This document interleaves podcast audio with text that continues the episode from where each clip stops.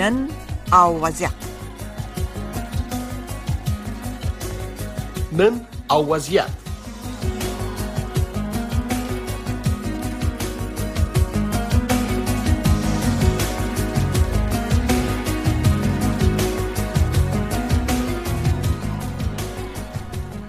شنونده عزیز امر رقمی که خدمت شما عرض کردیم برنامه کنونی ما برنامه روایت امروز است. که بعضی از روزها همکارای پشتو تهیه می‌کنن متصدیش هستن و ایره موضوعش انتخاب می‌کنن و بعضی از روزها مثل امروز نوبت دریس. در برنامه امروز روایت امروز ما از جناب حامد علمی ژورنالیست و نویسنده تعدادی از کتاب های دعوت کردیم که آخرین کتاب خود به گفته خودشان به دست نشر سپردن. کتاب است که سوالای زیادی ایجاد کرده در صفحه فیسبوک خودشان و ما هم در مورد سوالای داریم که البته با ایشان مطرح می‌کنیم. ما می‌خوایم بفهم که ما پروسر برنامه میگن که شماره جناب علمی صاحب کدام مشکل داره رخ نمیشه. ما کوشش می‌کنم که از طریق تلفن واتساپ برشان تلفن بکنم.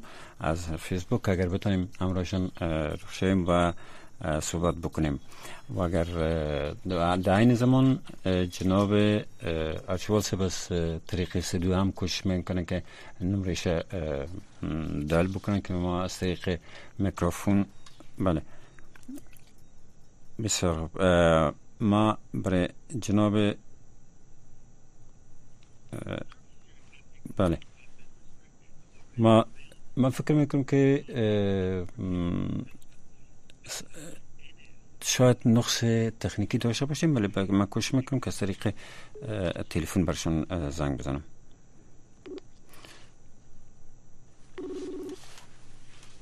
بله.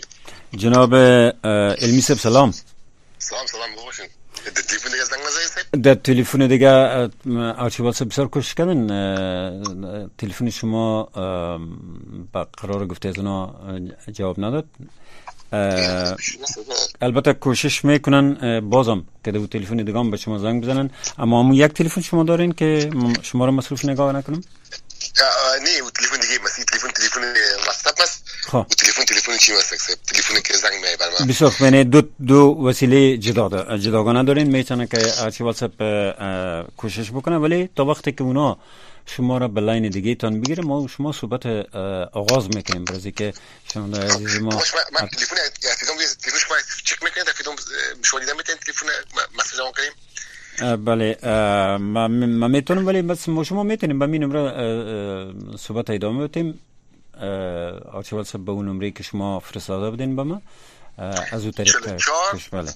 77 بله. 88 61 01 17 67 نه من بیسام خود 44 77 88 بله. 610 بله. 176 آه. نمره یک دانه یک. اضافه است. هرچی واسه نمره را حتما یادداشت کردن. با وجودی که ما خلاف پرنسیپ خود یا نمره را از طریق عمومی اعلان می‌کنیم. ولی خب جناب آرچیوال صاحب نمره را گرفتن شما خودتان چون بیان کردین از خاطر. شما امروز با ما گفتین که کتاب بسیار جالبی را به دست نشر سپردین. کتاب شما جالب به خاطر از این برای من آمد که در صفحه فیسبوک شما نکته جالب را خواندم که شما نوشتین خواهش تمنا التماس آرزو و بالاخره هشدار. ای البته پیش از سر محتوای کتاب بریم ای عنوان کتاب شما هم هست؟ نه عنوان کتاب است خبر خبرنگار رسانه و مخاطب. همین چهار موضوع را در کتاب ما گنجانیدیم. بسیار خوب. بی علت اساسی از ایرم شما بیان کردین که در رسانه های اجتماعی به قدر در مورد خبر و خبرسازی اشتباهات صورت می‌گیره که شما وادار شدین به نوشتن از این کتاب دست بزنین. درسته؟ خب یک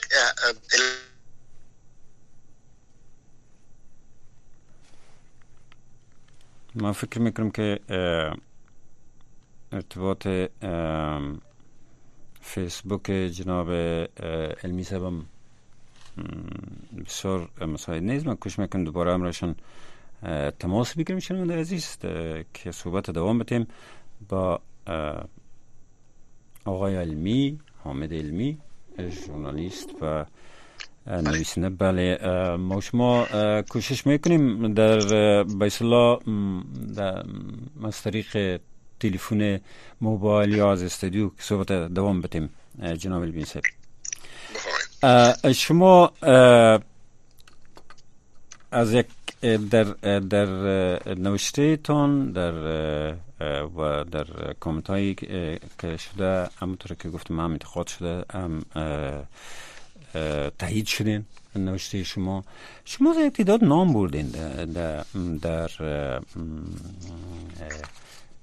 نوشته تان در, در صفحه تان و از اونا به حیث خبرنگارای پیشکسوت و رهروای مسلک ژورنالیسم نام بردین طالب نظر شدین.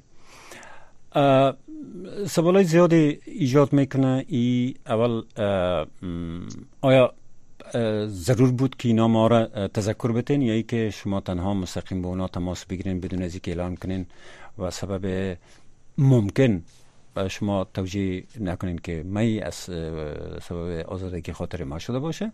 ولی سوال دیست که شما بر اساس کدام میاره ها ژورنالیست ها را انتخاب کردین و از اونا طالب نظر شدین؟ خب باید زمانی که ژورنالیست های جوان ما بله. دست به کار شروع می‌کنن باید وظیفه ما شما پیشکسوت هایی است که آنها را راهنمایی کنیم ما از پیشکسوت هایی که نام بردیم البته از همه پیشکسوت نمیشه نام ببره و همش آدرساش پیشمن نیست یکی در نام که در ذهن بود موضوع خواستم که نو هم هدایات و مشوره های خود بتن تا این نسل که به دنبال ما و شما میاین در راه درست راهنمایی شوند و از یادداشت ها تجارب نوشته ها و دانش های ما استفاده کنن. بله. بنابراین این روی این مسئله بود که بله. فکر تلفن شما بله تلفن تلفن استادیوس می‌تونین وردارین بله. خب بله.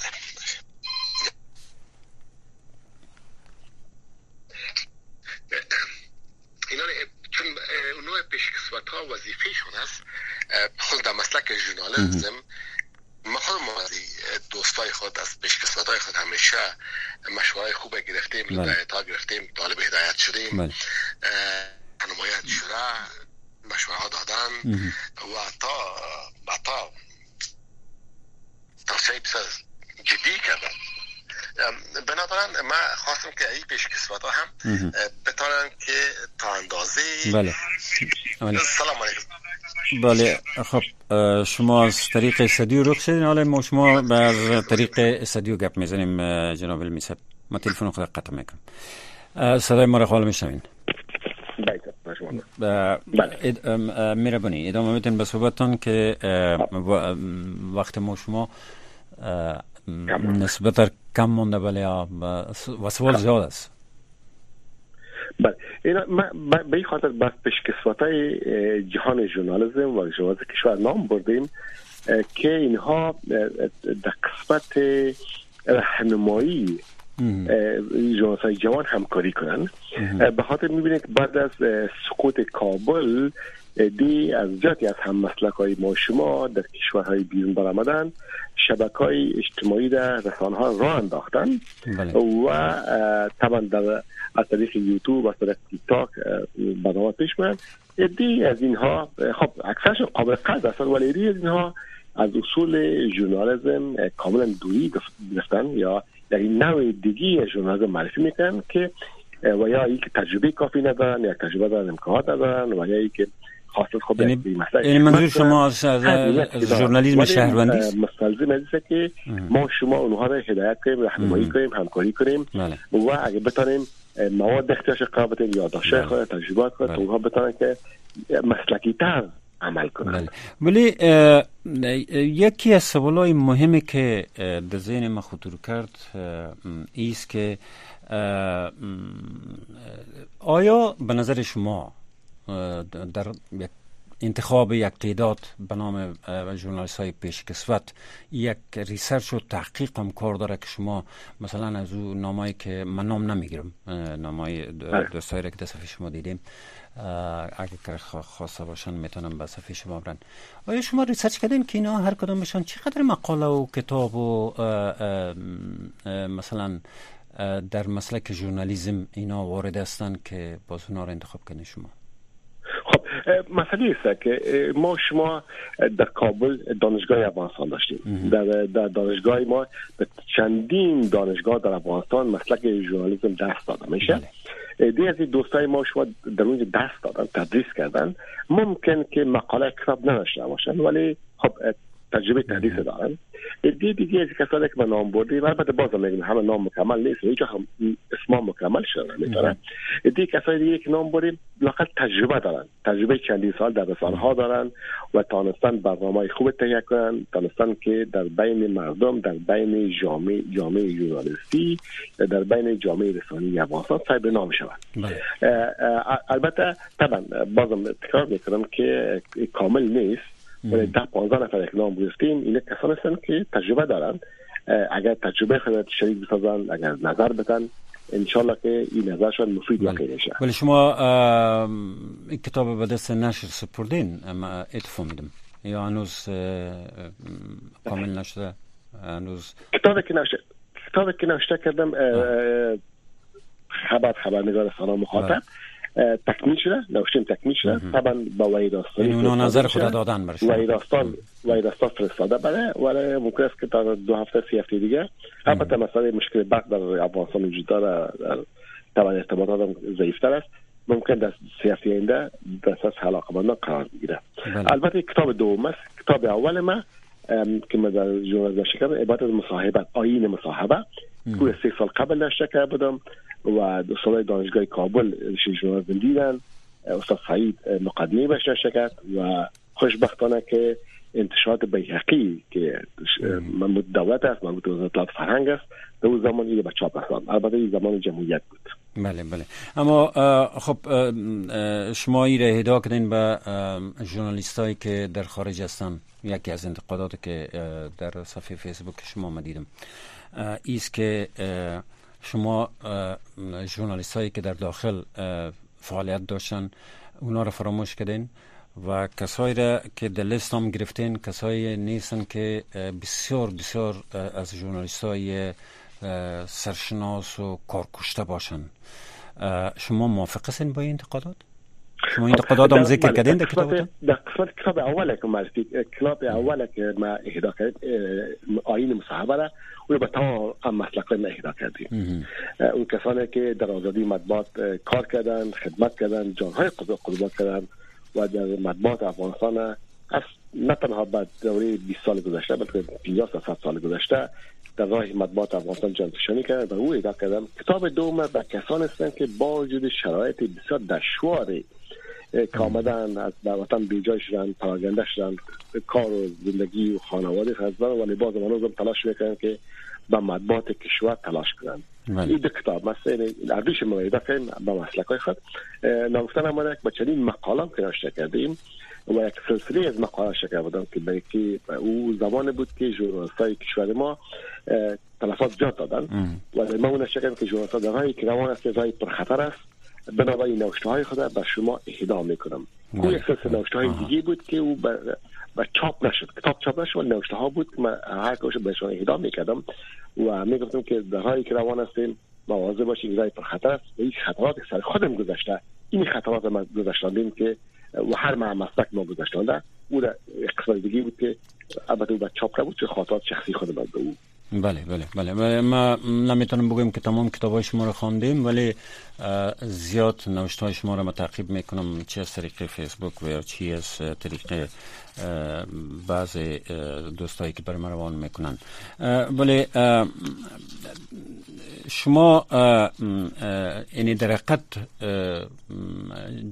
کتابی که نوشته کردین در مورد نظرم خواستین به شکل مصاحبه تقدیم می‌کنین یا نوشته می‌کنین ای هنوز مانده دیگه. یعنی تا تکمیل شود. چون شون دو روز پیش ما ای نوشته در فیسبوکتان پوست کردن.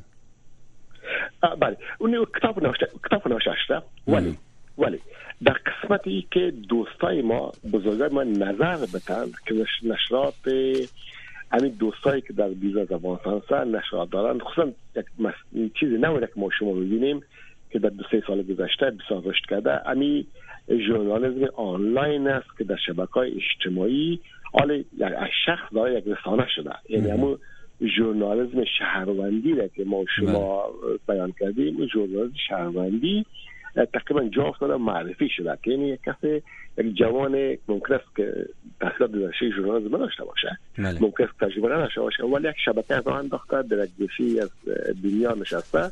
برای بدبات افغانستان کار می‌کنه بیشتر کار میسه که نظر میسه که اینها باید طبعا ما طرفدار سانسور نیست و نمی‌تونیم سانسور کنیم ولی اونها رو می‌تونیم مشوره بتیم تا اونها رایشان یک نوع مسلکی تر عمل کنند.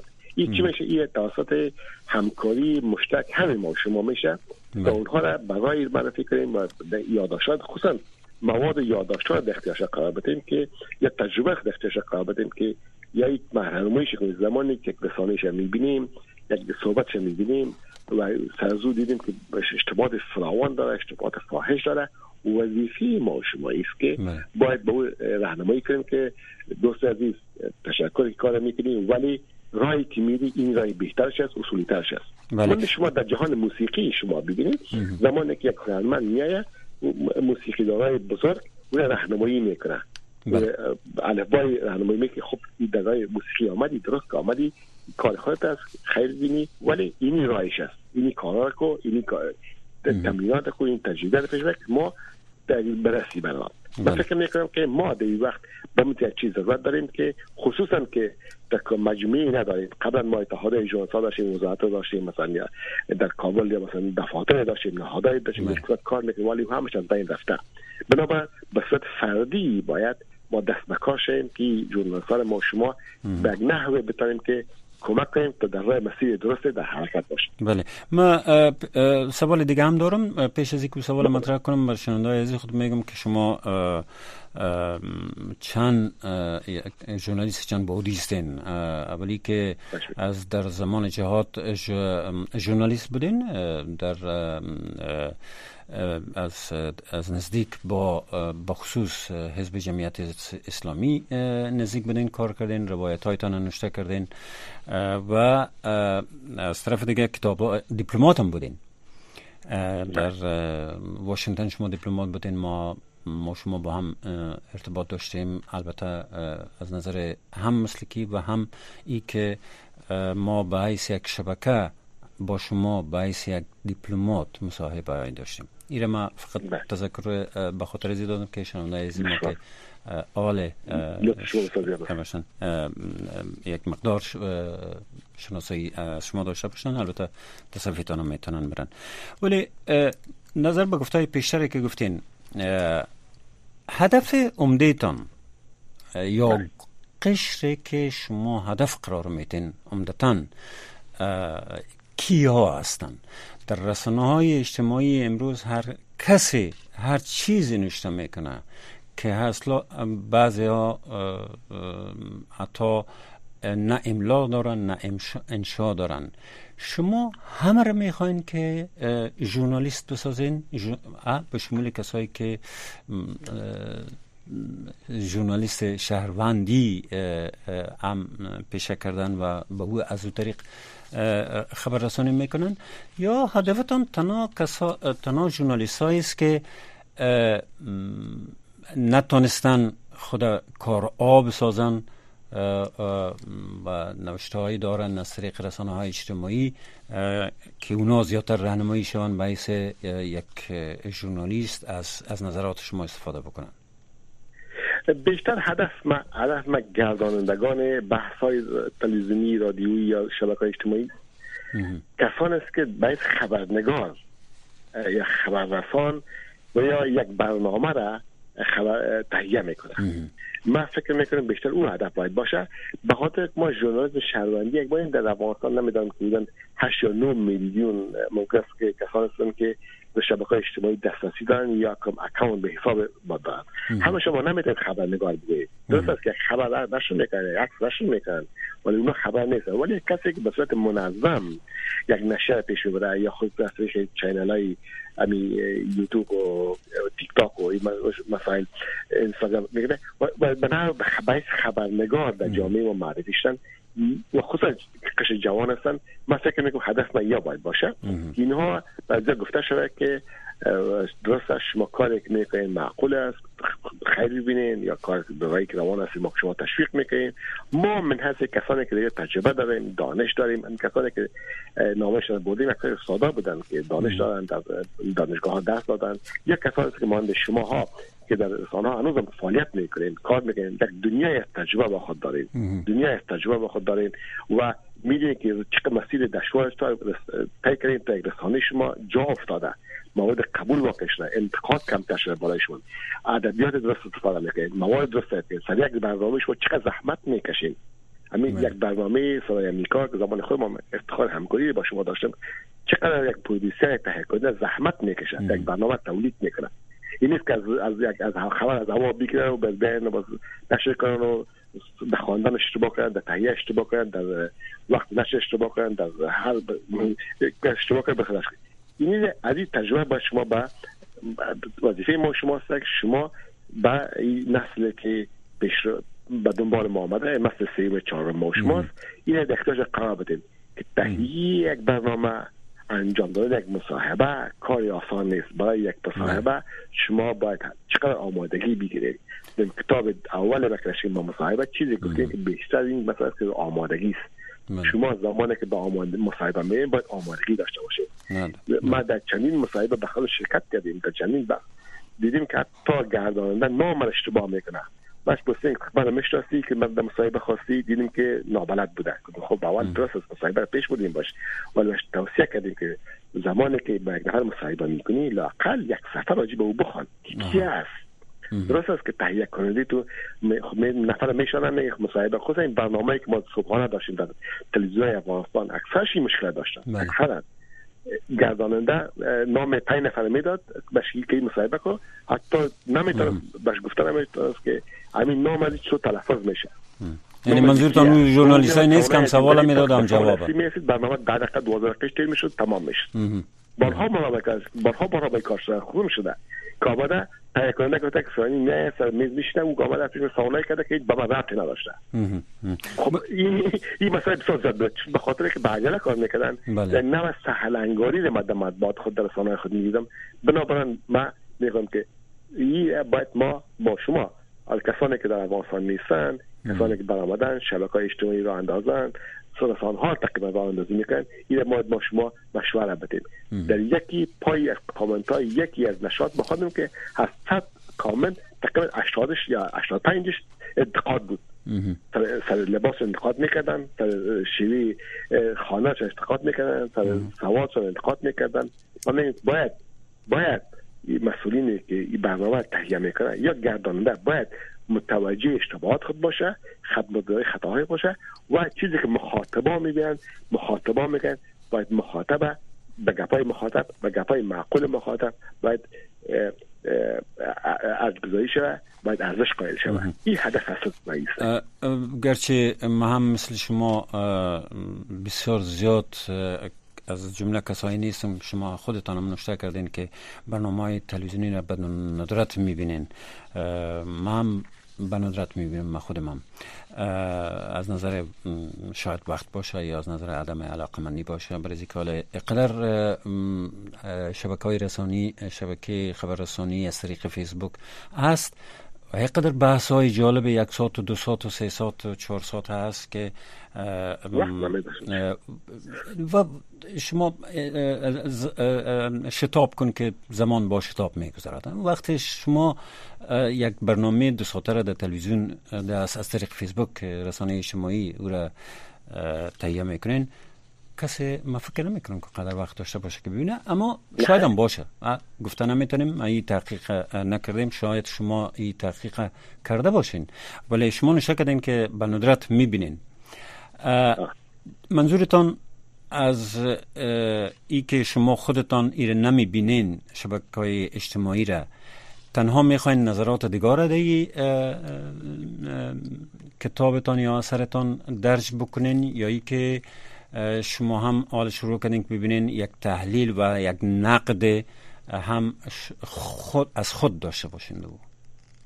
من شخص خودم شخص خودم تلویزیون بین کمتر هستم یا سینما بین نیستم.